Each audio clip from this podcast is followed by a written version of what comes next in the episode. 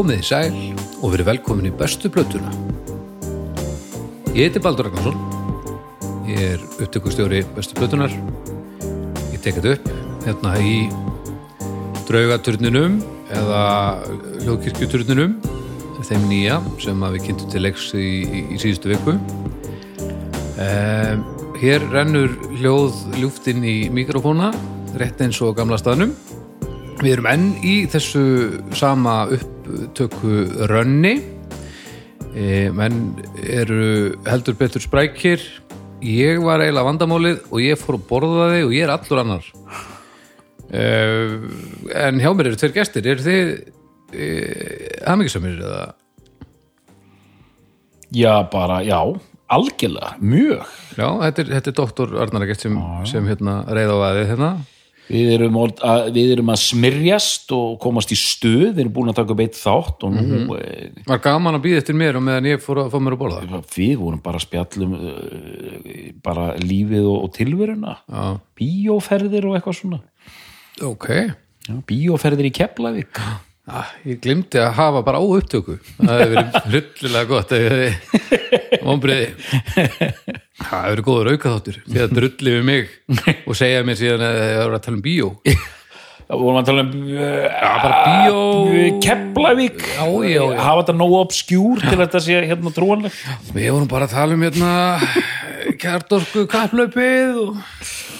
en þú haukur, þú hef mikið sem er Já, já, já, já. já, já, Ég var að segja Arnari söguna frá því þegar ég fór einn í bíó í Keflæk út af því ég var, að, ég var nýbúin í samtekki og þurfti að bíða þess já, og fór í, í, í Keflæk og bíóið hérna, á, á Prometheus Já. til að leggja mig út af því ég var með svona blaðamann að passa, ég fekk frítt í bíó. Já. Og hérna, ég var einn í salnum nema svo kom Einar Bárðarsson þannig að við vorum tveir í salnum. Já, Ég var að segja Arnari frá svona æ, þú veist, þegar tveir menn sem þekkjast ekki eru á sama stað lengi, já. þá er alltaf þessi pressa, það verður þú veist, það verður að segja eitthvað svona stök orðið eða svona kinkakollið, það verður svona það er eitthvað, það verður einhvern veginn svona viðurkenna tilvist hvors annars í rýminu skilur En þekkt hann ekki? Nei, akkur er hann að þekkja mig? hvað, sotnaður það? Já, var eitthvað, meistari. eitthvað lítið sko. Báðir, morgun. náðu þið báðir? Var hann ekki komin hann í sömu erindakjörðu? Nei, hann hann var held ég komin hann bara til að á bíómynd? Nei, hvað, villi menn búa hann Svo bara, æ, þú veist, tveir í salnum og svo náttúrulega kemur hlið og þá fara náttúrulega bara báðir á klósettið, við og báðir í sjoppuna og, og eitthvað. Það var svona eins og mjög vandrarlegt stefnumót það sem að hvorugur saði neitt, sko. Hvort þetta vera á undan eða á eftir í röðinni? Ég held að það nú verið ég held að það verið tveir básar, sko. Dýðu, veistu Já, þetta hefur verið Þetta hefur verið fallegt. Já. Hmm. Serðu nú svona eftir því sem að það eru fleiri dítilar í sögunni því trúlegri er þessi lígi Já, já, já, einmitt, einmitt. Ég sá hvað það varst að gera. Já, já. En hérna, gaman að sögur Já, já, alltaf, alltaf. uh, Og ég held að við ættum bara að fara að hjóla beitt í, í málið. Segðu mér eitt ára við byrjum, hvað hva fegstu þér að að borða? Nú, nú ertu á nýjum stað, í nýju hverfi. Já. Og hve- hvernig er matarmenningin hérna? Sko, ég fór hérna í hverfisjóppuna Já, uh, og ég fekk mér pepperoni bát. En byrjum við, sjoppu? Já Ég held að sjoppur væru bara hefðu orðið eftir á, á 20. öld mm, Já, tímamismunurinn sko Hér er, hér er tí- 20. öldin henni fer að ljúka en, en við, við erum hérna í góður í sjóppumenningu Ok. Það glemdist einnig að segja mér að hafa greinlega alveg tróðið upp í rjáfur af unglingum hann inni og þess vegna ég svona lengi því að þeir voru allar að býða til sínum uh, sínum hérna sjoppumatt og ég satt út í bílinn sem einhver kongur og, og beið og beið og beið og þið sáttu hérna og voru að drulliðu mig eða, eða á trúnóði en þetta var, þetta var gott en svo, eh, það er ég er búin að spotta á nokkra staði hérna í kring sko. það er indverst og alls konar sko. engar mathallir nei, engin matöll sko. ekki, ja, bara á höfðanum sko. okay. þetta, ég, ég, ég hef verið verið stattur sko. Það er góður andi hérna allavega það er góður andi hérna það, það, er, það er, þetta er allt saman gott. Um, og nú er ég bara þokkala sattur þannig að nú getum við bara ekki kíkja á þetta. Já, ég vona samt að þið hungri í fróðleik. Var þetta ekki ágætt segvei? Þetta var bara geggjað. Þetta var alveg briljant. Úf, þetta var rosalegt maður. Góð brú. Já, passa alveg við sjoppuna old school sjoppuna en það vil þeir nú um, að Því að í dag þá ætlið það að tala um bestu plötu Bob Marley Já. Já, Það er þokkarætt verkefni Þetta er þokkalegt verkefni. um, Hver? Já. Þú, dóttor Já, hvernig líst þér á þetta verkefni, Baldur? bara vel sko þetta er bara uh, einna, einna þeim stóru myndi ég segja, já, já. þetta er náttúrulega þetta er listamaður sem hefur haft áhrif skulum við segja jú, jú harmur líka og, og hetjuskapur og, og svo eitthvað svona uh, þetta er bara þegar einhver verður svona stór þá uh, endar hann alltaf sem einhvers konar uh, hvað við segja, meiri dýlingur en hann var í raun og veru Mhm. í bland við það sem hann nákvæm, nákvæmlega, vel orðað. Hérna, hvað sagður, hérna, verður dyrlingur aðeins meira í bland við það sem hann áskilið. já, Já, þetta er svona, þetta er svolítið, verður svolítið grautur já, af því að einhver er innistæðan, Já, en já. síðan eru einhverjar ígjörnar líka, sko. Og hann er bara svona íkon eins og Kurt Cobain, John Lennon, Jim Morrison. Þetta, menn verða svona hálfguður, sko. já, þú veist, þetta hann er, einmitt, Kurt Cobain þetta er svona Che Guevara Já.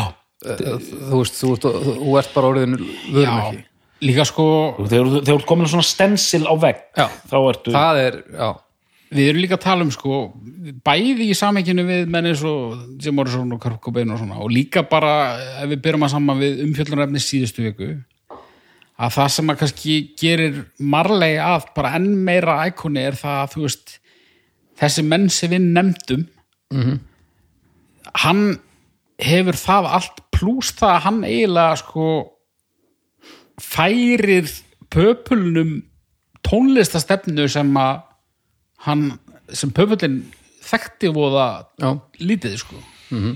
Algjörlega. Hann er einhvern veginn svona bara bóðberi reggisins Nei og fyrir náttúrulega bara stórum parti af, af heiminum er hann reggi Já. Veist, fólk bara leitar ekkert dýpra Nei, nei. Eða, þess að þú færið ekki engar upplýsingur um eitthvað meira án þess að sækjast eftir því sko. já, Algjörlega, þetta er, hann sagði mér einhvern veginn að kitti hjálmur mm. þegar, þegar, þegar ákvaða að henda sér reggið hann sagði, já, þú veist, ég ákvaða að gera þetta, ég var hann spenntu fyrir þessu og fyrir það átti ég eina plötu, sagði hann, eina reggiplötu og ég hafði bara heyrt eina reggiplötu sko. Red, red wine. hann var aðeins advansaður, sko, hann hann átti sem sagt þessa eina mest seldu sapplötu og reggiplötu allra tíma. Hann að Legend sapplatan með, með Bob Marley sem kom út 85 eða 84 Akkurat. Uh, nei, það var ekki, ekki UB40 hérna já, nei þetta er allt, allt, allt rétt sem, sem, sem sagt hér og merkilegt að í síðasta þætti vorum við með mann sem dó 36 ára. -hmm. og nú erum við með mann sem dó 36 ára. Já, þema. Þema og e, hérna Phil Lynott átti satt, e, pappans var svartur og mammans hvít. En þessu var öfugt farið með Ko- mammans var svört og pappans hvítur. Sko. Veitu hvaða ár deyr Bob Marley? Hann deyr 8, 10 Og eitt. og 1 já, hann er hérna og hann er fættur 44 eða mann rétt. Já. 45 45, 40 þannig að þeir svona já. en tilkoma þess að þáttar hún er kannski í tvöfald, tvöfald ástæða. Í fyrsta leið maður bara horfði yfir sviðið og bara það var ímislegt leist með þessu þætti bara, ég, þetta er líklega fyrsti ekki þátturinn já, ég var að hugsa þetta hérna í introinu sko. Líklega, nei, bara alg, algjörlega. Alg, 100% mér, mér, mér datt ekkert annað í hug sem geti verið sko. Nei, líka bara hvernig ætlar að einu reggja áhrifin sem að svona dottið inn var örglega ansitt bara. Já, en, Nei, en veist, ég fór að hugsa hvort að hva- hefði tekið bestu blötu hjálma eða Já, nei, nei, nei, það hefði verið að eina sem hefði ekki verið ógeðslega tilgerðalegt að taka á undan bóbanlega Já, Það er rétt. Hérna já, maður svona horfði við sig hérna uh, já, taka fyrstur ekki plötuna og bara stærðin er slík að bara það þarf að taka þetta. Líka það, ég hef aldrei þetta er alveg svo með hérna, Tin Lizzy að hérna ég leit líka á þetta sem tækifæri fyrir mig til að læra. Já, að ég er hérna ekki doktor í, í Korki Bob Marley er ekki og hérna og reyndar ég hef, hef undanfærin tíu ár eða svo þá hef ég verið að hlusta dálítið á ekki annars lægið Ok. en ég er svo mikil mikil snobhænst að ég hef aldrei hlustað á Bob Marley sko, hann er auðvitað aðeins svo vinsæll fyrir Arnur já, æ, hann er svo litla snobblóm. Já, litla lærða snobblóm. Og það var snobba blóm Já, Og hérna, þannig að sko það þurfti alltaf að hlusta á, á, á, á allt annað ekki en Bob Marley sko. Já, hérna, uh, og bara, já, já gaman að því. Mm, en ég sé ekki eftir því að hafa held, held mér á, á kafi í af því ég, ég, ég, ég, ég sá, sá ákveði ljós sko er eitthvað í þessu öðru? það, já, það er ást ég get, ég get sagt eitthvað það hlustundur, það er ástæða fyrir þessu vinsaldum hann er með Gott. þetta er bara algjörlega geggjað sko. mm. því það er þetta er svona eins og Presley og Bítlarnir og þetta, það er bara eitthvað það er eitthvað svona óútskýranlegt aflana sem leikur um þetta allt saman líka sko. mm -hmm. Tónlistin er að mér finnst frábær og mér finnst þú miklu frábæri núna en, en, en fyrir viku síðan sko ok og bara þetta köld og íkon það sem við erum að tala um, við þurfum að fara aðeins í gegnum það þetta er alveg stórmerkileg saga hmm. Já, já, já, já. uh, Haukur hvernig kemur þú að, að, að honum Bobi? ég bara sko bara ekki neitt sko ég, náttúrulega Bob Marley er uh, listamaður sem að allir sem eru að hlusta á hana þátt þekkja að minnstakosti áttalög með Bob Marley. Já. og hérna við erum nákvæmir. Bob Marley and the Wailers. Mm -hmm. ég var nú svona ekki mikið að fræða mig. Ég, ég ákvað að láta það bara í hendurnar á dóttöldum Ok, ég var á kafi í umfyllur og emni síðasta þáttar. -hmm. en ákvað bara að hlusta á katalógin uh, ég var samt forvitin út af því ég hef aldrei almennilega vita þú veist Bob Marley and the Wailers er síðan, er ykkur að sólóplutur hann inn á milli, ég gæti ekki séð það. Uh, mér sýnist þetta allt saman að vera bara Wailers, sko, er, er það ekki rétt hjá mér? Jú, Bob Marley and the Wailers var þetta alla tíð og alltaf mert þannig sko. Já. Þó að hann, þú veist, Það er gott vegna þess að ég var pínu óttaslegin um að ég myndi mæta hérna og það væri hérna, já, hlustu það ekki á sólablöðu þar? nei, nei, þetta er ekki svona eins og eins og Bruce Springsteen sko, hann gerðir sko ímist plötur með E-Street band eða ekki sko. Já, en allt, allt sem Bob Marley gerði var með hljónstinni Wailers. Já. og hérna já, já varst ekki múin að hlusta þess að 20 og svo? Já, djöfis Já, það er góðast að fyrst. það er, góð- það er þetta góða sko. en, hérna, En, en þú veist, jú, ég, ég las aðeins, ég komst til dæmis að bassalegarinn í Wales, hann á 50, nei, 41 bann. Á 41 bad Já, er það þarna family men já, Ha, þessir er að kalla það family men ég var einmitt að pæli í akkur hann kalla það family men sá eitthvað viðtal við hann, það sá spurt bara, heyrðu, nú hérna er bara hérna Urban Legend að þú eigir 53 börn. Bara, getur staðfist þetta? Nei, nei, ég á bara 41. bara 41 Já, en, en svona, hann talaði um að hann væri ógislega stoltur af öllum og talaði með eins og þau væru öll í lífi hans sko. Þetta er ekki þetta er ekki, virðist ekki verið eitthvað maður sem að á bara einhver börn stáður og veit ekki að þeim sko.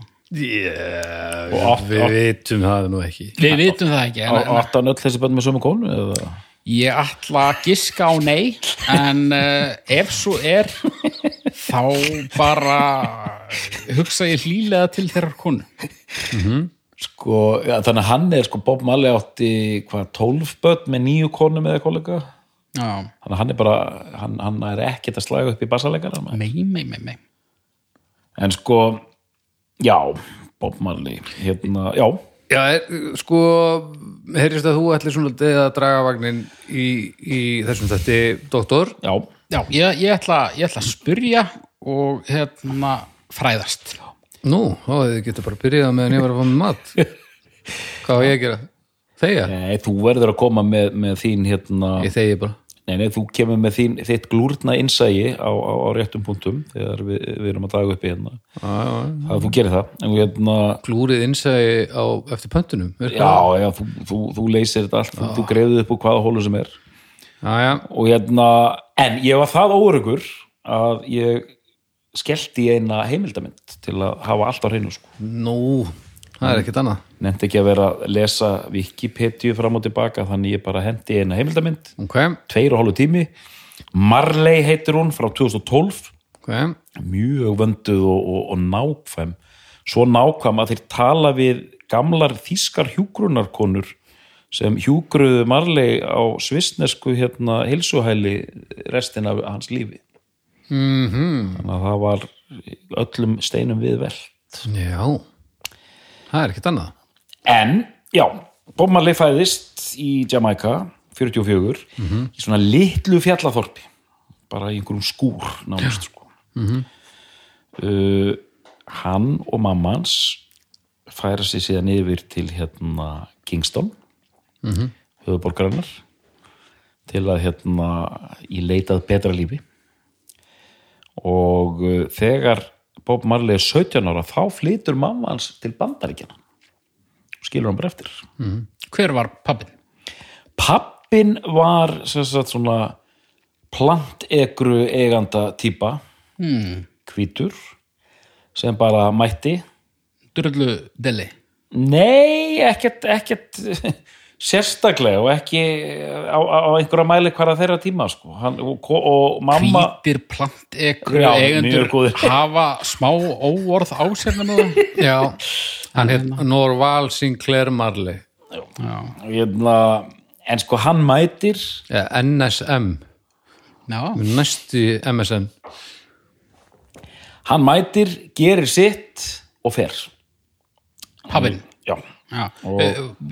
fyrir ekki uh, brendi. Held það, eða, eða amerikani. Ok, og sko, en hún er sett mamma hans er í við, mamma, Bob Marley er í viðtali í, í myndinni. Og hún svona var bara cool sko. Ok. Bara, já, Bretti. já. Hún, hún, hún, hún var bara, bara já, já, hann var hérna og, jú, jú, og síðan fór hann bara og það var svona lítið um hann sagt einhvern veginn, hvorki vondni slemt sko. Og, og það er til ein ljósmynd af þessum manni sko. Og uh, já, þannig að hann, hann, hann stendur svona upp svona föðurlaus og hóðurlaus þegar hún er farin hann yfir. Og, uh, og hann bara byrjar eitthvað að garfa þannig músík og flytur meðal annars til bandarækjana og býr hjá mömmu sinni er að vinna ykkur, ykkur störf og svona. Aftur og það var raun eftir eh, það var milliðspil sko að því að The Wailers er gömul hljómsu þeir byrja alveg þarna 63-4 eitthvað svoleiði sko. Hmm. og The Wailers eru að stofni til þrýr menn.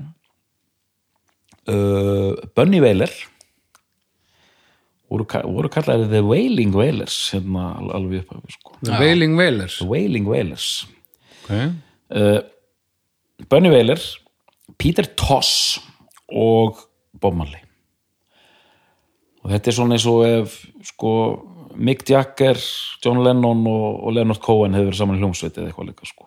Já, þetta eru allt svona risas Já. í reggi sko. Og hérna hinn eru þetta kannski aðeins minni en, en, en Bob Marley en alveg sko með sinn eigin feril og vel virtir þeir já, tveir. já, ég meina, þú veist, ég er bara eins langt frá því að vera doktor í reggi og hægt er en, en þetta eru allt nöfn sem að ég hérna, hef heyrt marg sinnis og Mhm. Peter Toss, hann gerði nú eitthvað eftir eftir þetta, eða ekki? Jú. Hann var eitthvað sólólistamæður bara, eh, þeir áttu bara bara þokkalegasta sóloferil báði tveir Peter Toss var meðal annars slagtói með Rolling Stones á tímabili.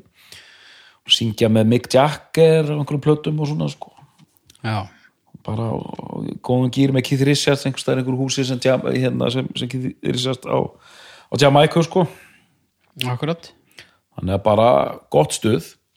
Þannig að þetta er svona þetta er svona hljómsveit Ingimars Eidal já, dæmi. Já, bara starfandi í fíling og svo kemur ykkur að fronta þetta þú veist ekki satt Jú, en þeir eru svona þrýr uh, svona höfuðlaus her þannig séð þannig alveg í upphafi sko Þú veist, það er bara The Wailers og þeir þrýr eru svona í frontinum sko Já. þá er þetta meira svona eins og bara hérna Four Tops eða hérna en, en, Temptations eða eitthvað líka sko. en voru þeir ekki búin að gera neitt áður en Marley kemur það held ég ekki sko. Ok, ég, ég, ég Gæti verið. er, ég- er ég að koma þér í vandræði já, já, mögulega, Já, já. gæti verið þetta hafi verið eitthvað band sem þeir hafi komið inn í sko en, en, en, en, en ég, ég, ég, ég telði það ekki. Nei, það, það er öruglega rétt sko. Ég, ég held þetta að það verið svona eitthvað band sem að búið að harka í einhvern tíma og, svo, og síðan koma þeir þrýr inn í þetta. Nei, síðan kemur Marley inn í þetta. En, en eins og ég segi, ég veit ekki neitt Nei, og, og þið fyrirgefið hlustendur ég er ekki alveg með þetta á kristaltæru en allavega þegar bandið svona fer af stað mm -hmm. og mhm. eru þeir þrýr þarna mm -hmm. í góðum gýr og tónlistin er svona það sem kallaði svona ska svona ska pop já svona fyrir eitthvað hratt poppað og ná tölumverð vinsældum í Jamaica og verða svona einmitt hérna veist, hérna bara ein, ein, ein helsta sveitin í Jamaica á þessum tíma sko. síðan líður svona líður og býður, hann skreppur hann til bandaríkjana til mömmu sinnar. Og þá gefa Veilers út plötur 70 og 71 og þá er í millitíðinni tónlistin er alltaf að breytast. Skæð víkur fyrir því sem kallaði rocksteady og þá hægist takturinn aðeins. Já, síðan morfast rocksteadyð yfir í reggi og þá hægist takturinn enn frekar. Og þessar veilersplötur sem koma út 70 og 71 þetta er eiginlega svona frum reggi einhvern veginn, það er svona eimir af þessu rocksteady en þetta er að fara yfir í reggi og sá sem tekur þetta upp heitir Lee Scratch Perry sem er mjög svona frægur dub upptökustjórnandi Lee Scratch Perry? Já, Lee Scratch Perry. Ok, Lee Bill Scratch já já. Wicca Bill Wicca Perry. Það var rosaleg típa sko. Svakaleg típa og hérna hann var, elskaður á öllum hipsterum heimsins. Ok, hann hérna hann tekur upp rosa mikið af þessu reggi á þessum tíma. Bara í rauninni það litla sem ég hef kynnt mér af þessu þá er eiginlega bara liggur við hver einasta plata pródúsir af þessum gæja. Og hann hérna mjög furðulegur. Er hann ekki, hann er ekki rosalega langt sem Nei, hann dó. hann er núna eh, dó kannski fyrir tveim, þreim árum síðan fyrra. já, Í fyrra, já. Já. Hann er bara 29. ágúst 2021 já, og svona, þá 85 ára gamall. Og svona hljóðvers töfralæknir, mætti segja já já, já, hann var að taka masterana og grafa þá undir tré í einhverja mánuði og láta það leggja í hlandi og, og þú veist, hann var þarna. Og hann, hann, hann var þarna. Ha, já, já, bara skrítin skrúfa sem að er það ekki grínast nei, nei, bara sem gerði alls konar hluti þú veist, hann var að gera alls konar tilraunir. Hann var ekki frá Bergen svont. nei, þetta er allt það sem við gerðum í Bergen. Ég grafa þetta og, Já, já. og piss og, og vondlegt eitthvað. voru ekki fyrstir sko. Hann var búin að prófa allt saman sko. Já, og hérna hvers, hverju þetta skilaði veit ég nú svo sem ekki sko. En svo kviknaði nú í þessu stúdiói þessu fræga stúdiói sem ég kann nú ekki að nefna ok. Uh, en það er önnur saga. Hann í rauninni er en þarna sannast það sem þú varst að tala um sko. Ég þekki hann í rauninni betur út af því að Marley er svo mainstream sko. Já, einmitt, einmitt. ég var of merkilegur til að vera eitthvað að tekka á Marley.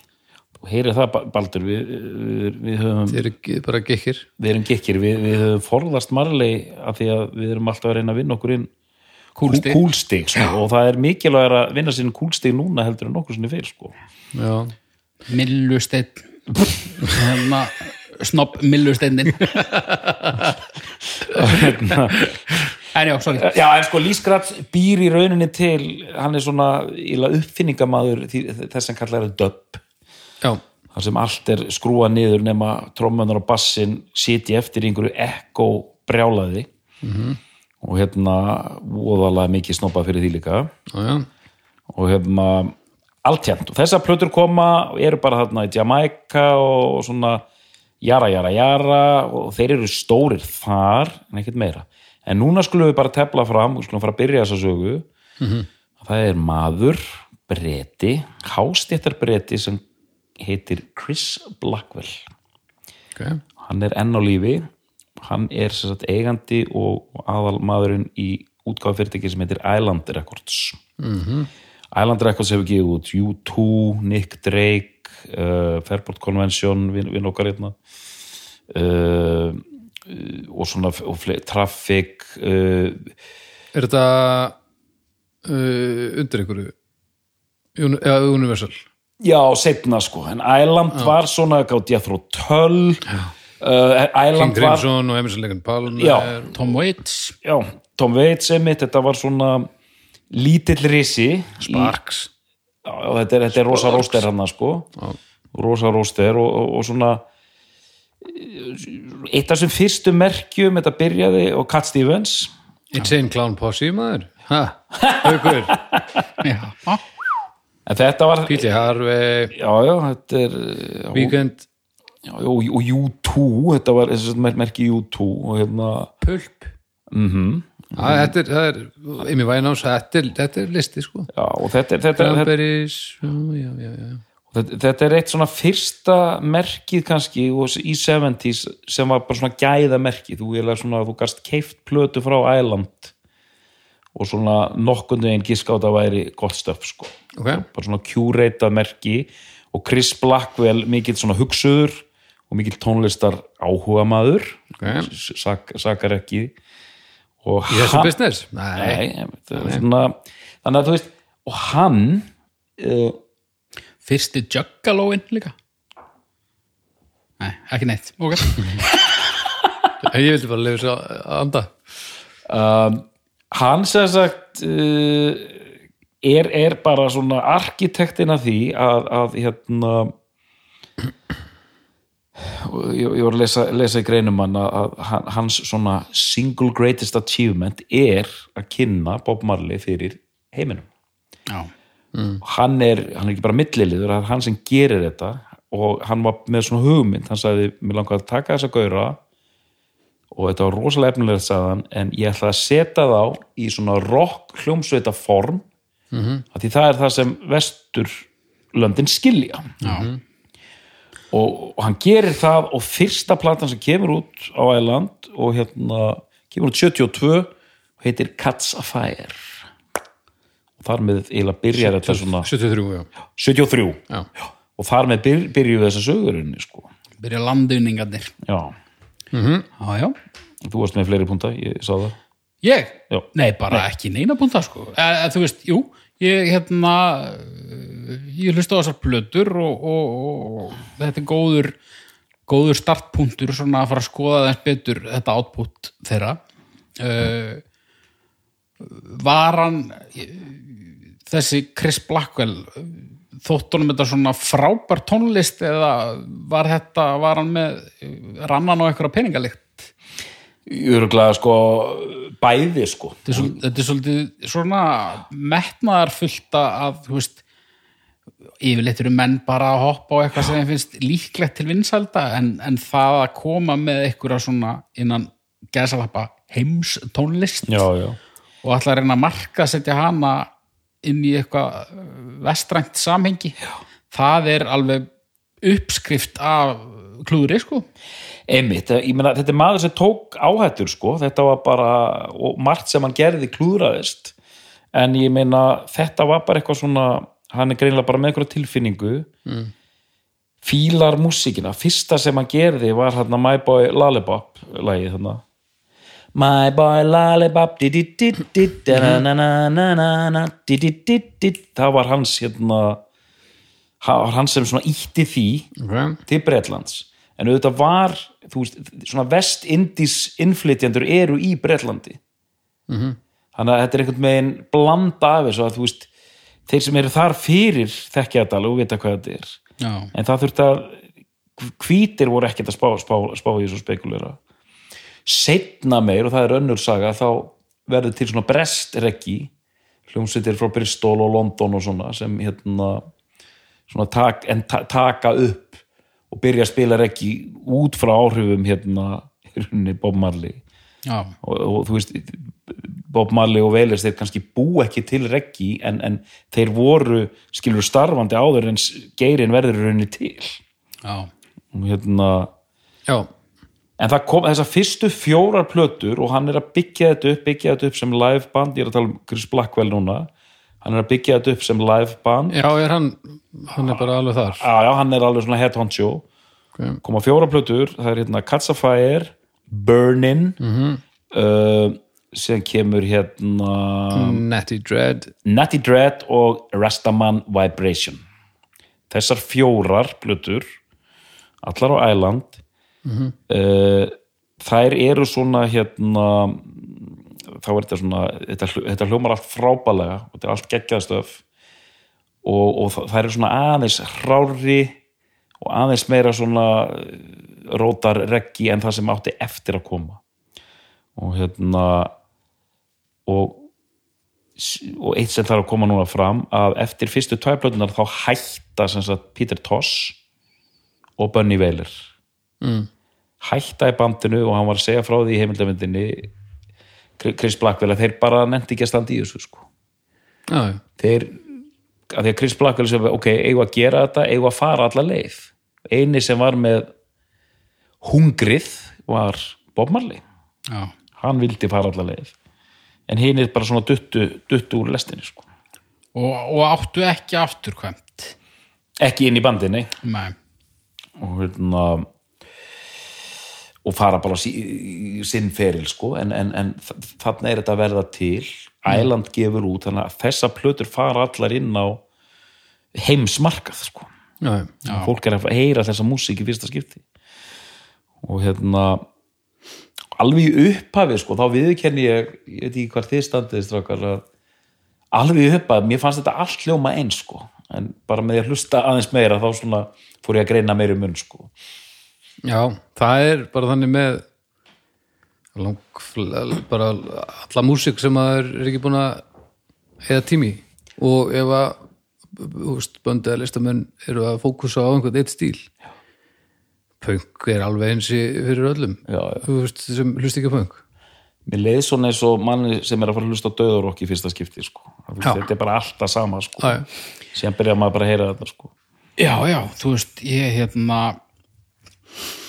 það er svolítið erfitt að komast í gegnum veggin þegar að heilin á þeir er forritaður með vestrætni dægurtónlist og rocktónlist að fara í eitthvað, þú veist uh, bara þú situr inn á mandi og það kemur eitthvað músík þar sem að þeir eru að spila. Já, já, myndi, og þú hugsa bara, hvað er þetta? já, já.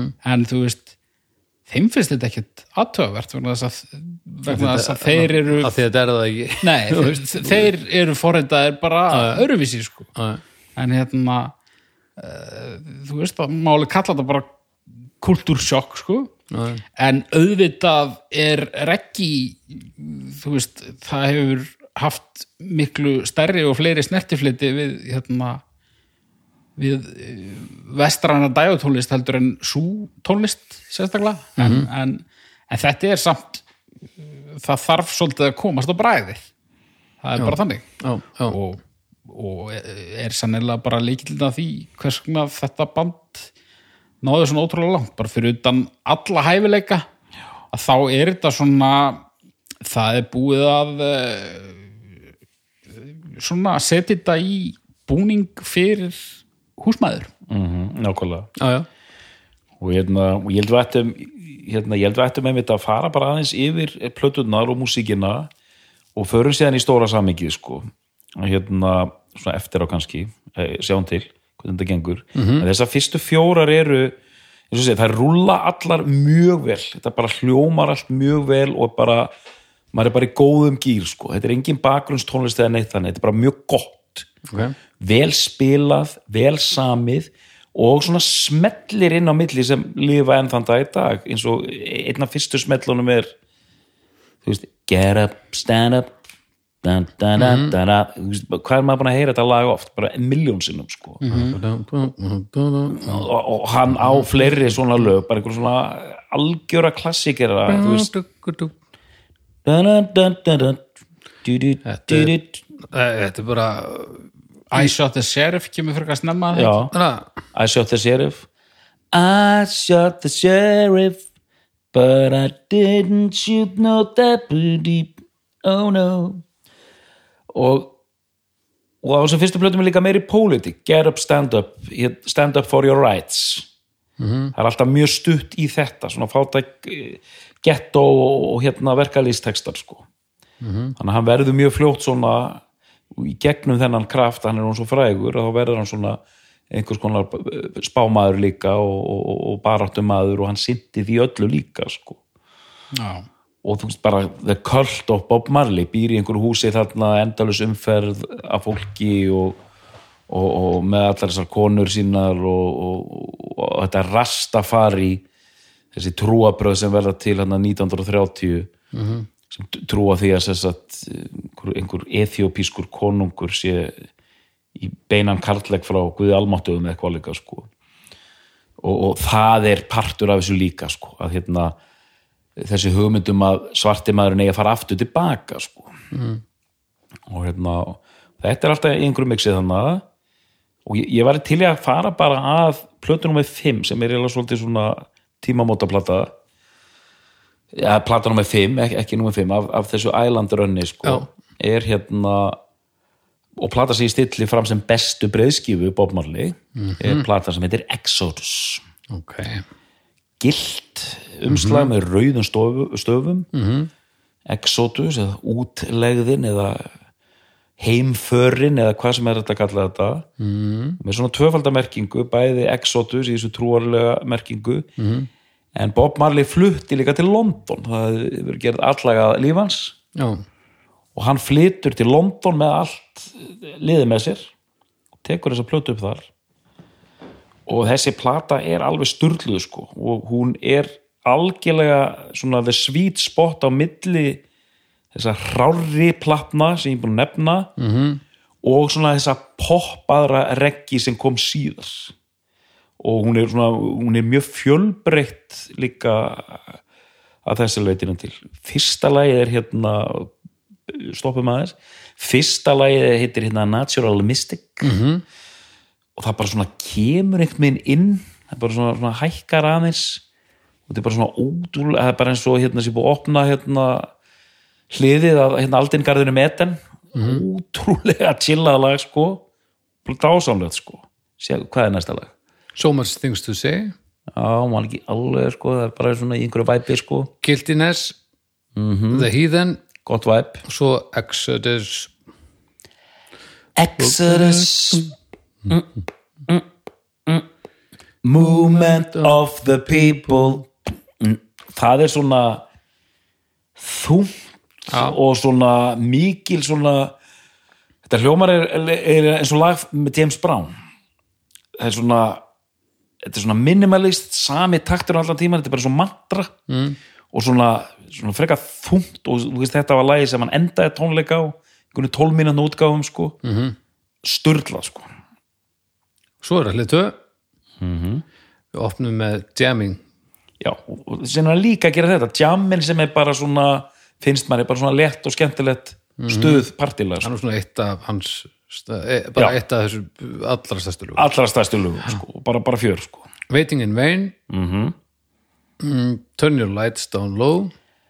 Turn Your Lights Down Low er mjög merkilegt lag af því að það er mjög meðvita greinlega þetta er bara nánast því svo Eagles.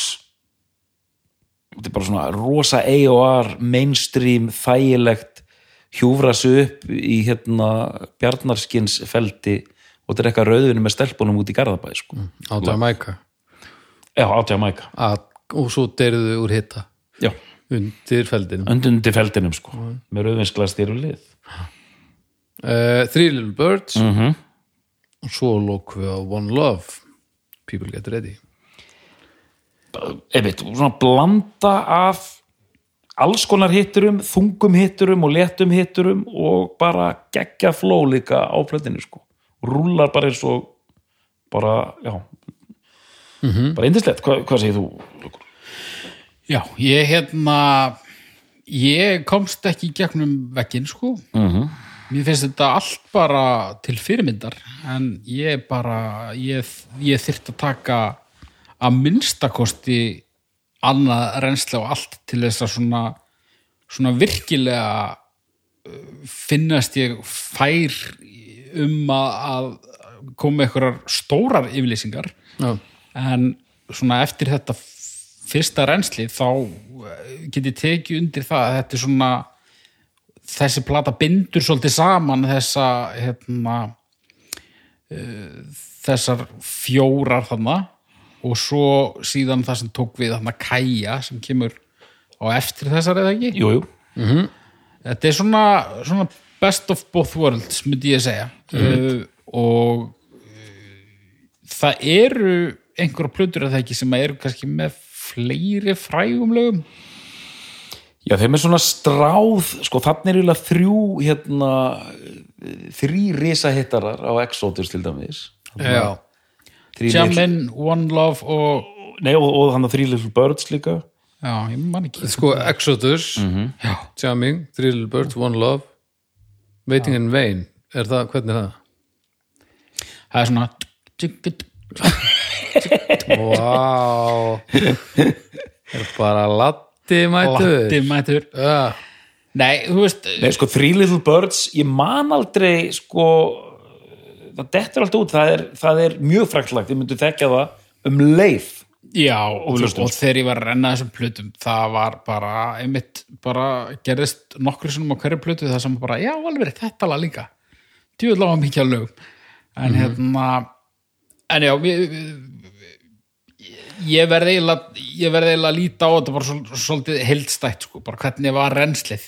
Uh, og þá er ég þarna. Gaman að segja frá því samt, sko kannski til mars við það hvað maður veit lítið, eða allavega ég. Já, ég hugsa ég hafi verið orðin svona 18-19 ára þegar ég komst að því að þetta væri ekki plata með þrassmetal hljómsveitinni Exodus. Ég hef bara séð þessa plötu í einhverjum plötubúðum. Þetta er svolítið brútal já, meina og ég vissi hvað hljómsveit Exodus var en ég hafði aldrei hlustað á hana. Logoðu getilu virkað já, já. og bara eitthvað svona reykt svona svolítið svona já. kortir í metal. Hættulegt ég bara, já, þetta þetta er örugglega, ég bara pældi ekki einu svona í því að það væri sens á að þetta væri eitthvað annað. Og kjælt þar að leiðandi að þetta væri frægasta plata Exodus um þessi plata var allstæða já, tókulega Skilja, uh, Three Little Birds er hérna Don't you worry Já. about a thing. Every little thing's gonna be alright. Diddly-dee-dee og One Love, þið þekkið það Exodus og síðan hérna Jammin, þetta er þetta eru, þetta eru risar. Þetta er allt risar og við erum, við erum með þetta algjörlega frætt einhvern megin já, já, en, en sko fyrir utan Jammin og titilægið þá hefur geta sagt mér að öll þessi lög var á Kaja eða. Natty Dread og Já, ég hefði ekki rifist við þig sko. Alveg samanlega sko. Og hérna það er eh, Kaja, það var svona nú, nú ætlum við að breyka Ameríku plata, ok, kannski svona poppaðasta platan hans en bara störluðu plata og þar eru þetta alveg geggjað lag hérna ég fann að elska þetta lag mjög mikið. Mjög hrein, hreint ástarlag hérna. Is this love, is this love is Já. this love, is this love that I'm feeling? Þú talaði það, já, hérna. Is this love? Is This Love? Ég sagði það bara oft já, já, Hvern- hvernig byrjar það aftur hérna? I wanna love you every day and every night. Na, na, na. þetta er spilað já. er, er þetta spilað í brúðköpum líka? Já, já, pottjett. Já, já. svona undir restina eða í miðjunni Eða samt ekki. Ég myndi ekki spila þetta Is this love, í... Vill maður strá einhverjum efasemdum í, í búköpi? er þetta ást? er þetta kannski bara dýrslegt aðdraftrafl? Hvað er þetta sem við erum með í öndan? Hættulegt, já, nei, er, ekki til, er ekki til bara útgáfa með svarinu. Bara, já, það getur verið. Is this love, já, is this love, já, is this love? Bara græja það, ég græja það fyrir þig. Já, já, Hérna, já. jöp, já, ást. Yes, En hérna en þe- þessar plötur er að gera mjög gott mót, það er líka tvær live plötur, live og síðan einn sem heitir Babylon by Bus þetta selst alveg í bílförmum og Kaja frábær plata uh, síðan kemur væntalega Survival. Jöp og eftir Survival kemur Uprising. Mm og þær tvær, þetta eru síðustu tvær plötunar á meðan hann var á lífi. Og mér finnst þess að síðustu tvær fyrir mig þá var hann komin pínu mér finnst allt mjög gott fram að þeim tveimur, þá er ég orðin svona þá er þetta orðin svona í sjálfverkum gýr plötur einhvern veginn, er svona ég tók minna eftir þeim. Við erum með Redemption og Could You Be Loved já, á uppræsing sko. Já það er ríkala flott lög sko. Já, já, að það komið mér um þetta óvart hérna, You Could Be Loved, að það er bara að það sé 80s lag. Já, ég hérna las það og, og, og kváði. En hérna en, en hvernig eh, hvernig eru þær veist, hversu vel eða illa eru þær metnar af, af fólki sem að svona kannski er með þetta í beinunum? Ég, ég held þetta sé bara allt og það verður að segja þess að þetta er allt gott. Þetta, og, og, og, ég er ekki að segja það af einhverju van nei, nei, nei, já, þetta er allt gott sko og hérna, þetta er bara misgott sko og hérna, að því að þetta var alltaf hann, hann, er, með, hann er með sig og sinn sjarma uh, bandið og það er verið að keira þetta bara mjög vel alveg fram á rauninni síðasta dag sko. Það er engin knignun og þú veist það er ein plata sem kemur síðan út eftir hann deyr af því þetta er svo fáralegt dæmi. Og núna eru við rauninu búið með plötupakkan sko. En þetta er svo fáralegt dæmi með hann og hans veikindi. Að því að maður hann fer eitthvað út að skokka í New York, nýgur niður. Þá kemur læknirinn, heyrðu vinnur það er bara, þú- það er bara krabba minn henn út um allt. Ó, ó, í tásunni. Já. Sagði, þú verður döður eftir þrjár vikur. Já, og hefna það bara komið ljós, hann var krabba minni var út um allt. -hmm. þrjár viku til að lifa.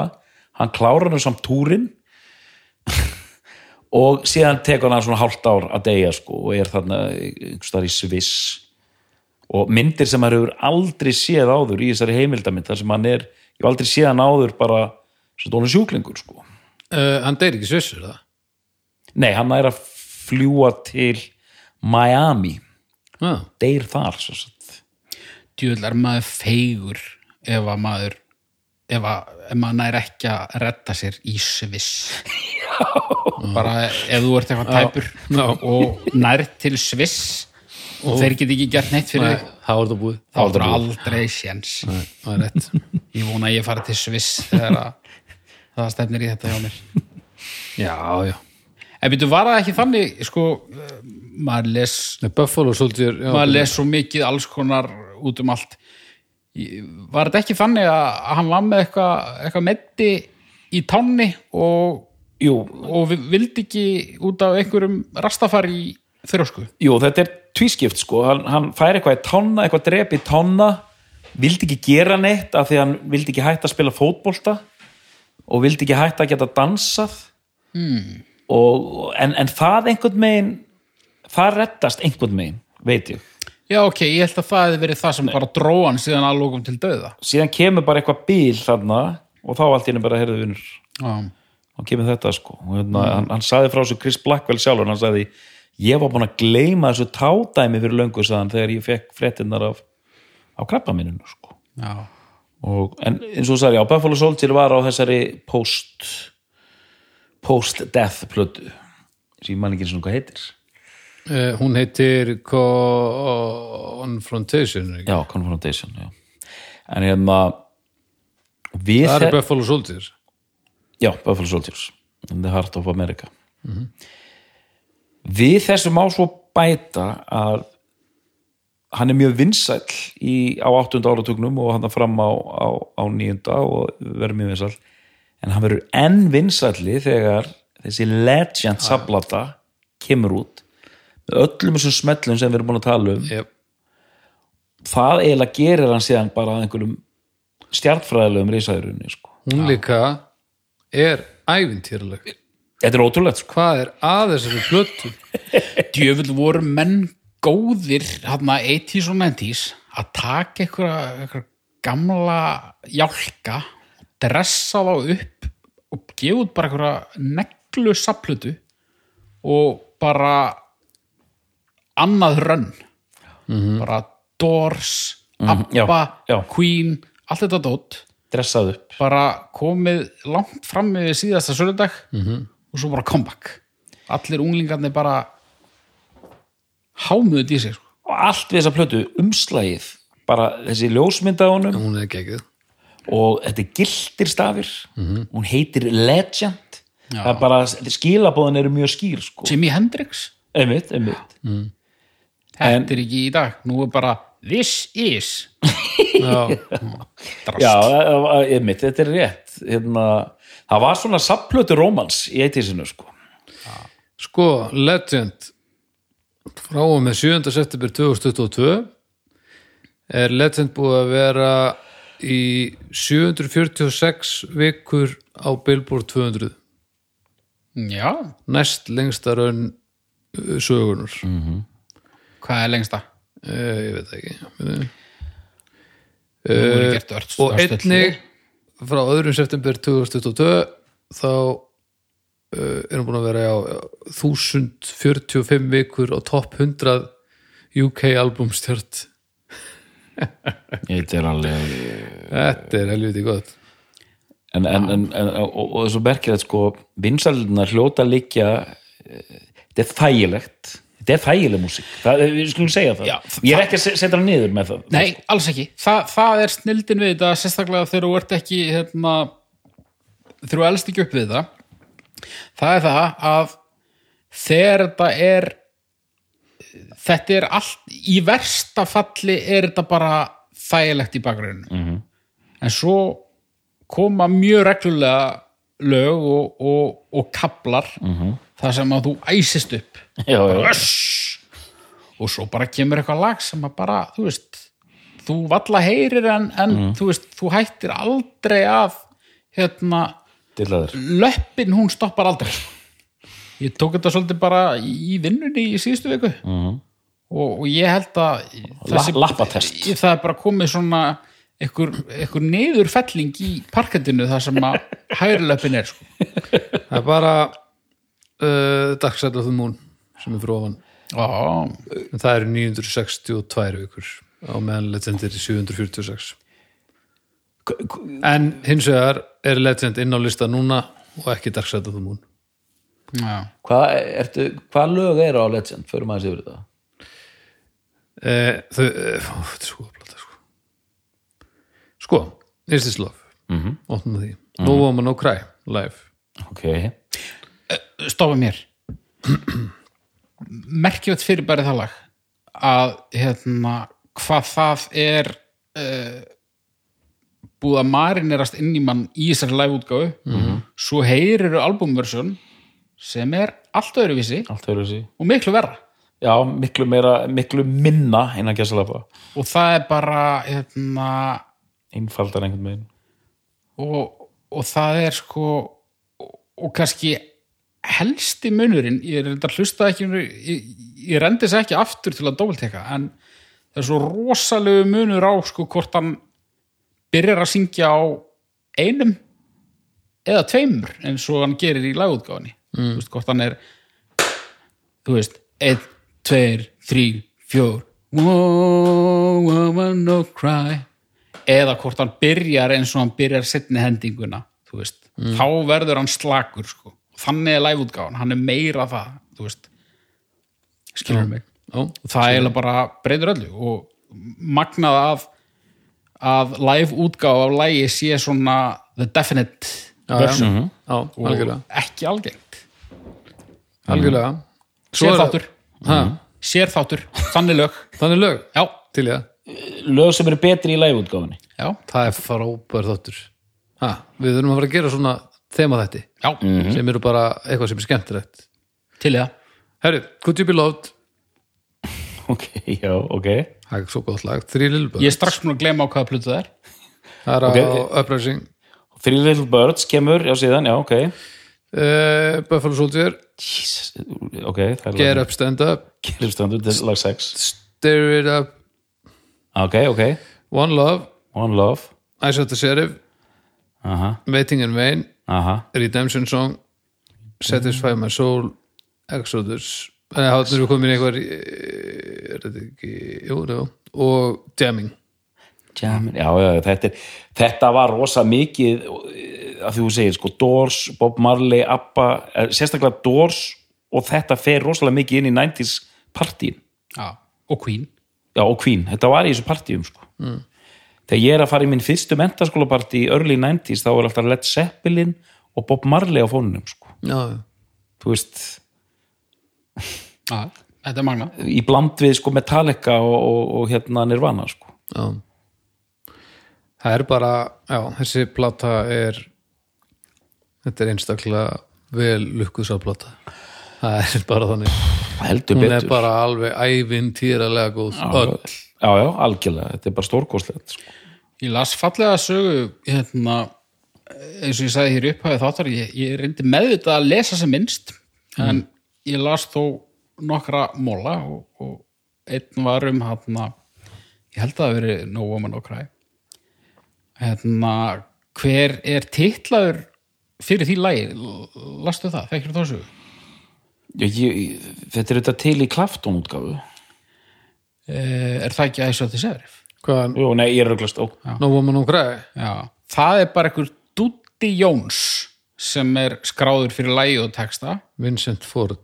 Já, og uh, þetta var bara einhver maður sem að var, þú veist, hann var með eitthvað svo súpu eldús og hann var, þú veist, veit ég hvort hann var blindur eða hvort að heilin í mér er búin að ákveða að saga er betri þannig. Það er allavega eitthvað maður sem átti ekki mikinn pening og var að gefa rosa mikið af sér já, já, og var með eitthvað súpu eldús. og blindur þar að ekki Já, og Marley bara kreditaði hann fyrir þessu lagi þannig að hann fengi stefgjöld og gæti halda áfram að fjármagna súpeldúsi sitt. Ok, ég hef ekki heyrt þessu og það var einhver durgur mögulega þessi Blackwell sem var mjög ósáttur við þetta út af því að þetta var eitthvað náttúrulega, hérna, gæti hann ekki tekið kött af stefgjöldunum eða hvað þið sagði, það var allavega eitthvað vesen og eitthvað dómsmál löng eftir hann dó. En allavega það er eitthvað maður sem að kreditaði fyrir þessu lægi og hann var spurður í viðtali löngu, löngu setna hvað segir þið? Samdur þetta lag í alvörinni og hann sagði ég veit það ekki, hvað er þú? en hann sagði að já, hann samdi absolutt ekki þetta lag. Sko, en þá, já. Þetta er að hérna það er bara þetta er ekki búið, það er nóg meira um að tala sko. Þú, hérna, sko ég var með eina spurningu klára fyrir þig. Já, og hérna ég veit ekki hvort þú getur svarað henni. Mm. en núna gerist það svona í, í hérna síðari hluta pönkbylgjunar Já. að menn fara að daðra við ekki Já, já, já. kannski jável fyrr. Eru það marlei áhrif eða er það ska veist er það eldra dæmi? Veist, hva- hvaðan kemur það? Ég hef aldrei vita það almennilega. góð spurning sko. Ég hérna, út í að pönkar eru svo fucking erfiðir þá ætla ég að giska á að það sé já, skaðið en ég já ég held nefnilega sko, ég hef engar heimildi fyrir því að, að, að Marley hafi þótt of poppaður fyrir pönkaranna sko. Engar heimildi fyrir því. En hérna e, meðal annars sko Reggi komst inn í pönksununa bara fyrir tilstilli eins manns. Don Letts heitir hann. Ok, og hann tengdist klassliðum s- svartur gauður sko. Mm. Og hann bara settur einhvern tímann í það var hljóðmaður einhvers staðar. Heyrðu að það þarf að spila eitthvað hérna áður en hljónstum fyrir svið. Á, á, á ég að spila, já spilaði bara plögna sem þátt þannig að hann fer að spila einhverjar reggi plötur en þetta var mikið af einhverjum svona obskjúr reggi og þetta reggi og hitt reggi og þetta þurfti alltaf að vera svo rosalega obskjúr og, og, bla bla bla. Mm.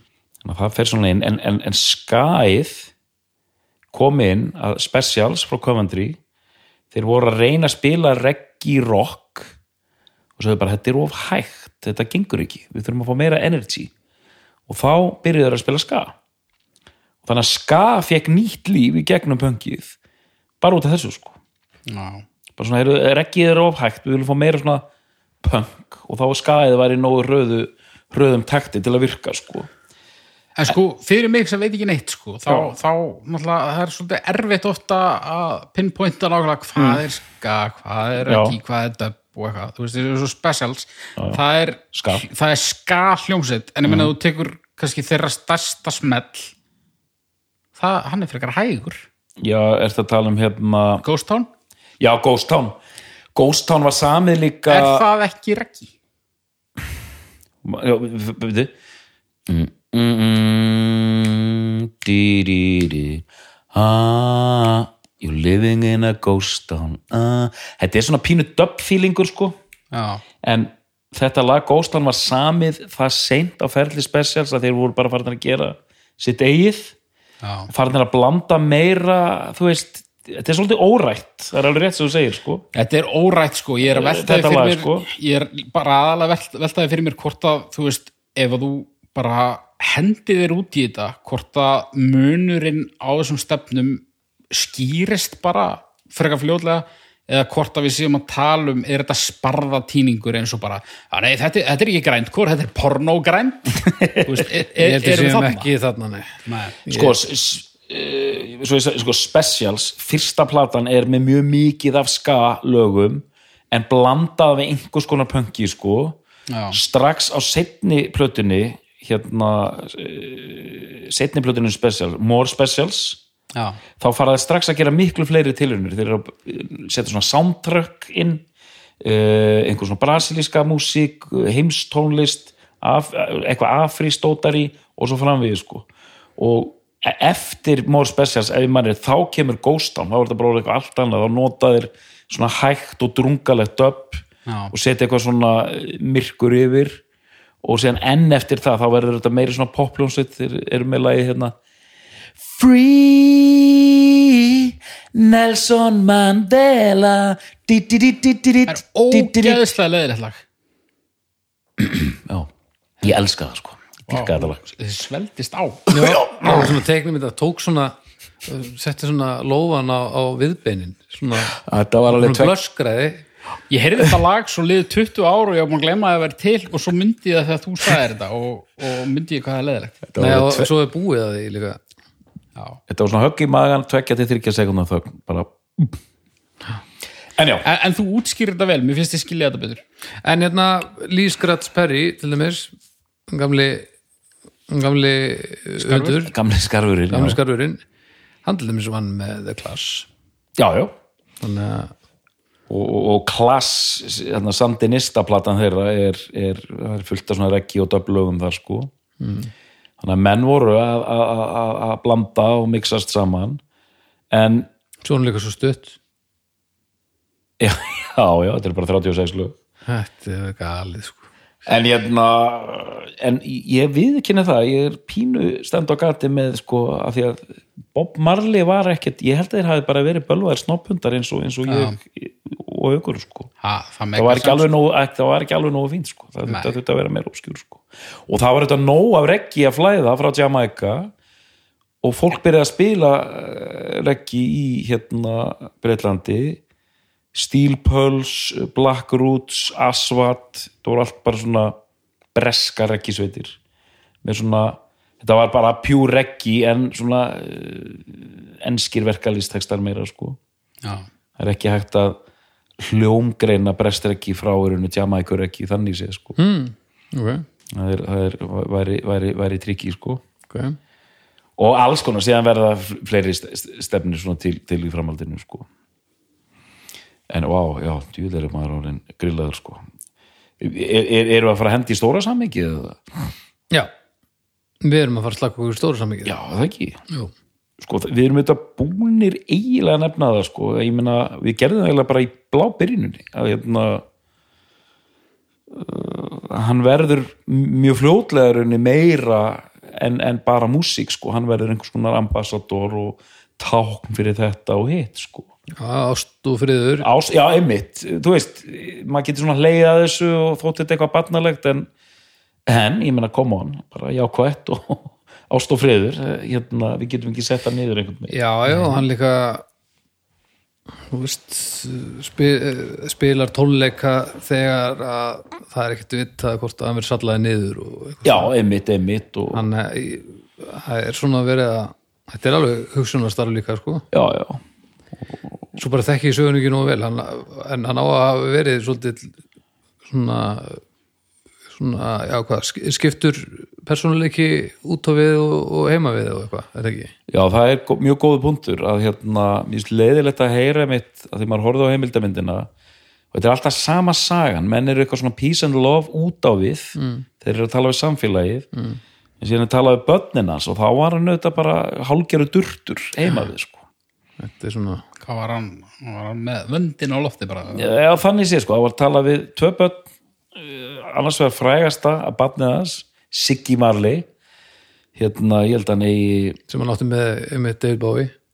Já, einmitt. Hérna gott, er- já, Sig, alveg, Siggy Marley. Siggy Marley og hann Siggy Marley bara hlóða þessu bara en sagði samt, he was tough, he was tough. En sem var dóttir hans, hún var bara hún var mjög bitur. Hún var alls ekki ánað með pappa sinn sko Já. og bara sagði það sko og hérna þannig að þú veist, þetta er alltaf því, þú veist, Lennon og, og já, þetta er bara hvernig maður ertu þegar þú ert komin, þegar þú ert búin að opna hurðina að heimilinu þínu og ert lappaður inn mm. það segir í allt um það hver þú ert sko. já, já, það er bara þannig nákvæmlega, þú ert kannski þú ert kannski að þú veist, hvað ég segja? Þú ert kannski vinnur við það að labba á milli atvalastofnana og, metta hvort að, að, að aðstæðan sé í lagi, svo ferði heim og svolgrar bara nýmjólkina beint úr verðinni. Maður veit aldrei, nákvæmlega, nákvæmlega. siðblindan hún, hún, nefnilega, þú rektar hana mest heima sko. Já, já, nákvæmlega. Ég er að tala við þig þarna úti mantvala drulliðin uh, já en, Og- já. en eftir stendur samt, þetta ævintýrala íkon sko sem er út um allt mm. já þú veist það, það er það er hægt að líka þessu við eitthvað í, ef við tölum um popmusik, dagur, tónlist og whatever sko. sko nei það er samt það er hægt, það er hægt að gera útgáfa af þessum þætti sem er svona 30% stittri mm. ef hann er kliftur rétt mm. þá gæti hann verið um Bubba Mortens ha? ég er búin að hugsa þetta nokkur sinnum ok, en hérna hvað með það? Nei, bara þú veist hérna bara verkalýðurinn hetja uh, færist svona svolítið inn á húsmæður og, já, já, og eitthvað Já, uh, Bubbi á ekki tólböld nei, en hérna, þetta er svona þess að mér ég var stundum að hugsa um Bubba sko. já, en uh, Bubbi er ekki selt jafn marga blöður nei. Nei, það hef, hafa líka fáir selt plötur sko. En ég, ég held með þér í þessu dæmi sem þú ert búin að fara út í núna sko. ég, ég vil á landi kenningunni. Nei, ég er bara búin að móka með hún í skurð Já, ég já. Mér, mér líkar ekki, doktor, þegar þú ert fann að henda einhverjum björgunarringum hérna óábyrgt Nei, nei út, af því að Róbert. þetta, út, af því að þetta var þetta var bæði grín og alvara sko. ég var að hugsa þetta nokkur sem í þættinu sko. Já. þetta er svona pínu, pínu eins og, eins og bubi en meikar alltaf ekkert sæðis en nei, þú veist, ég, ég veit ekki hvað listamann er hægt að tiltaka sem að, þú veist eh, færir heimsbyggðinni nýja tónlistastefnu sem að það Nei, og, ég meina, þekkti lítið eða ekki neitt sko. Og líka bara landið ég meina, Jamaica þetta er náttúrulega þetta er ekkert eðlilegt ækon frá þessu landi. Nei, ég veit ég meina þú veist það gerist alltaf komið, ég hef komið til Jamaica í, í hálfan dag. Þegar við vorum að spila um borð á skemmtiðari skipi sem sildið þangað og svo tilbaka aftur. Og þegar við komum í land þá var það var bara bómali það var bara stanslust fyrir að segja okkur. Að hann hefði orðið eitthvað ekki skamall þarna, akkurat þegar við vorum þarna. Ég man ekki hvernig þetta var. Og það var að benda okkur og þarna er húsi sem hann bjóði í sveitinni. Og, og þetta snýrist allt voða mikið um hann. Já, hann- gangi. Og þegar ég fór til Kúbu þar voru me, úst, menn að rembastu að vera rastafarar. Og hlustuðu bara á bómali reyndar þá var stránglega banna að reykja græs þarna. það banna að ef þeir hefur verið teknir með það þá hefur ekki verið gott. Þannig að þeir drukku bara ægilega mikið á rom í staðinn. En það er þvert á rastafara trúna skils mér. Þannig að það var aðeins búið að svona aðalega eftir bara tækifærum. Já. maður verið að berga sér. En þú veist, það hefur auðvitað gerst marg oft í, í, í, í dagur tónlistasögunni að það kemur eitthvað svona flavor of the month eitthvað svona áhrif frá eitthvað menningarheimum sem að, þú veist, það kemst bara svona eins og Paul Simon og Graceland og, og svo kortir í setnaður um með Los Lobos og eitthvað, en þú veist en, en þetta er á svo mikið starri skala og fólk er ennþá bara geðið eitt mikið af að velta sér í þessu, skilur já, þetta er ekki eitthvað svona sem að heimsbyðinni þótti kúl í smástund og, Nei, nei.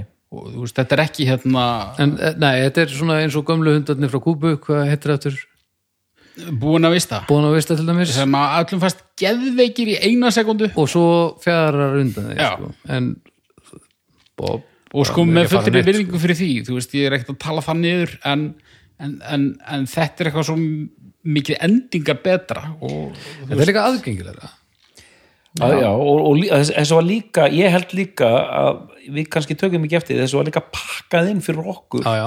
rockarana sko já, já. og svo deyr hann nógu snemma til þess að verða góðsögn og, þú, og, og hann og var það er alveg óhætt að segja það að búin að vista social club menninni dói alls ekki nógu snemma til þess að verða að góðsögnum af því að þeir eru allir 3000 ára já, já. en síðan sér maður þetta líka uh, þegar maður sér tónleika með Bob Marley og bara hann upp á sviðið, maður sér alveg þetta er rosa magic upp á sviðinu sko.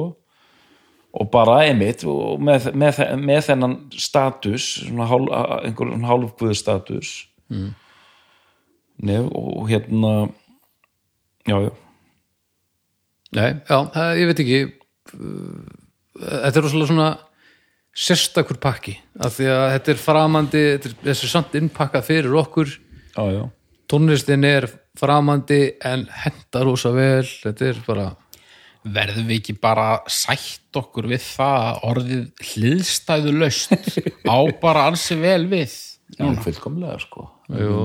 hann er hliðstæðu löst fyrirbæri í dagur tónlistasögunni Já, því við erum með, þetta er eina dæmið sko, John Lennon er orðin að, að samskonar íkoni en, en það er hægt að finna fleiri John Lennona innan já. bara svona hvítir kallmenn í, í rocki sko og verða svona rosakvöld sko.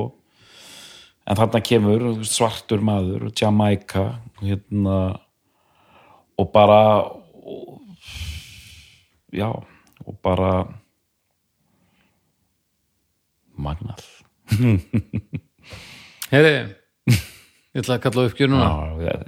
Heldur betur maður eh, Haukur við skulum hefja leikinn á þér. Já, þetta var bara skemmtilegt. Mm uh, mér fannst svona pínu vombrið að ég skildi ekki hérna Bubba? alveg frelsast neða, bubbi, nei, Ég það var, það sko. Svo hefur verið pínu vonsveikin með viðbröð við Bubba samlingingunni Nei, ég, ég svona ég var að vona þó að ég veist inni vita að það myndi ekki ganga upp þá var ég að vona að ég geti rúlað þessu bara öllu og bara og einhvern veginn tekið þetta inn Já, allt sko. En það var auðvitað aldrei að fara að gerast.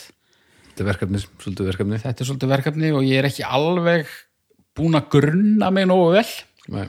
en hérna ég er, ég er sammála Arnari og ég er ekki að segja það bara út af því að það er safe fyrir mann sem að náði ekki alveg að fara nógu vel yfir þetta.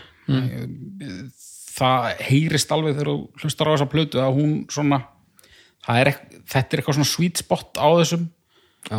á, á þessu renni.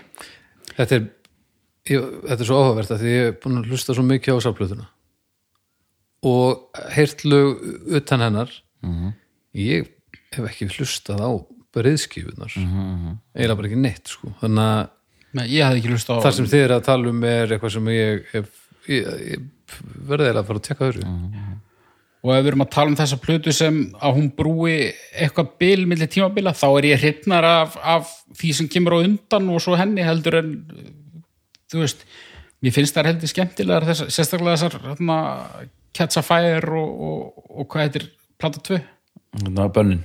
Já, ég sá samt mikið af mínum lögum aftar, aftar í ferlinum sko. já ég þarf að tekka þessu en hérna, svo líka bara við töluðum náttúrulega ekkert um bara eins og bara, það er eiginlega ekkert í heiminum skemmtilegra heldur en reggi bassalegur djúvill er hann skemmtilegur mm.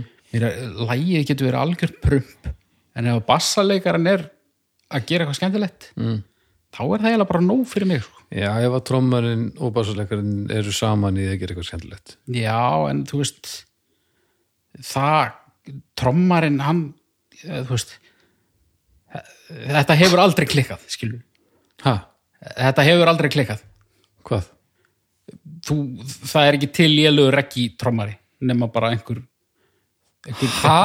Nei, Ertu alveg galinn haug? ekki í svona alvöru reggi Nei, ég meina, hef ekki eitthvað nei, það er ekkert þetta þarf að gerast þetta stendur og fellur með grunnfílingnum og ef þú ert með lélegan trómara þá er ekkert Já, en ekki ég er að segja, þú þarft ekki að hafa neina ágjörði vegna þess að ég hef ekki ennþá heyrt í lélugum skilur, ég hef aldrei heyrt reggi og bara, "Ah, þessi trommari hann er ekki nógu góður. Nei, nei, það er bara eitthvað svona fasti sem bara er yfirleitt frekar solid. Ég held að maður, En- en- maður þurfi samt að fara maður þarf ekki að grafa held ég mjög djúft í ég er ekki utan þessa svona, þessa, þessara pop. Nei, nei, og, og ég hef alls ekki gert það sko. En svona stundum eru bassalegarnir bara solid en stundum eru þeir að gera eitthvað geggjað dæmi. Og það upplifi ég mjög oft í þessari yfirferð. Og bara ég er ekki yfir höfuð að, mér finnst það svolítið svona það er, það er yfirleitt það sem heldur aðtekla minni. Mm. þannig að já, Exodus ég bara held að sé vel valið hjá þér þetta var fræðandi og mér langar að sjá þessa mynd því að ég veit miklu minnum marlega heldur en ég á að vita. Ná, bíókvöld strákar. Ha, Já. mynd í síðasta þætti mynd í þessum þætti Frá, frá meina Balaðsson með okkur. Er já, og svo förum við. Eh, Dóttar Já, ég, hérna, það er engu við að bæta, ég er sammála hauki, að hérna, að já, þessi plata er, er bara svona eins og, eins og líst er, er bara skorduð, mjög skemmtilega hérna á milli. Og ég er á vara á nákvæmlega sama stað og þú, Baldur, þú haukur, ég hafði ekkert hlust á svo blötur, þekkti öll þessi lög algjörlega inn og út, þannig að þetta var mjög skemmtilegt verkefni. Og þarna er einmitt eh, bara svona smakk af öllu sem gerir hann svona frábæran. Og bara ó- ótrúlegt dæmi sko. Og aftur það dýfkaði bara all hressilega á svona einhvers konar virðingu og, og, og aðdáðan fyrir Bob Marley sko. Ég, ég, það geti eiginlega bara vel hugsast að maður halda áfram sko. Það er venjulega, afgreða maður verkefninu og fyrir bara að gera eitthvað annað. En, en Bob Marley mun að vera mjög vinsæll á mínu heimili. Ég fekk æði fyrir Exodus læginu, spilaði þá repeat bara marga daga í röð sko, fjölskyldan og neila þau einn sko. fyrir pípara, hvað sagður ah, Spilaði það? Ég spilaði sem sagt, Exodus lægið á repeat, Á já, re- í, á repeat bara í marga daga. Að ég var að gespa og ég heyrði bara spilaði bara ítrykk ég held að þau Fyrir pípara? heimtíðin og þau bara, bara viljandi bara spila Exodus fyrir hann bara aftur og aftur og aftur en það var, það var fjölskyldan sem hérna fekk að njóta. Já, já, já, þetta- ekki, það var ekki pyntingar ekki pyntingar pípara þetta lag þólir mikla endur, endurspilun sko. Fýruðu þið svo upp í fjölskyldu splefu Já, bara fjórum feitum sko. hversu, hversu 42 ára var ég núna? Æjæjæj, þetta var nú gamalt og hvít. Þetta þetta var að koma við höfum ekki minnst einu orðið á þennan anga sko. En, en það, það er svo sjálfsæður partur af þessu einhvern minn maður þurfti ekki eins og að minnast á það. Já, ekki. Það, og, og er, En er, er, er af- vel undirstrykað á Katsa Fæir hérna umslægin En stór, stór partur klálega lífstílinum en, en, en menn vera að fá sér aðeins sko. já, já, já, maður verður og sjaldan sem maður lifti sér upp. Maður má ekki dett úr stemma Herri þannig að Doktor er þetta besta plata Bob Marley and the Wailers? Já, Haukur er þetta besta plata Bob Marley and the Wailers? Já. Við þakkum fyrir í dag og við heyrumst að viku liðinni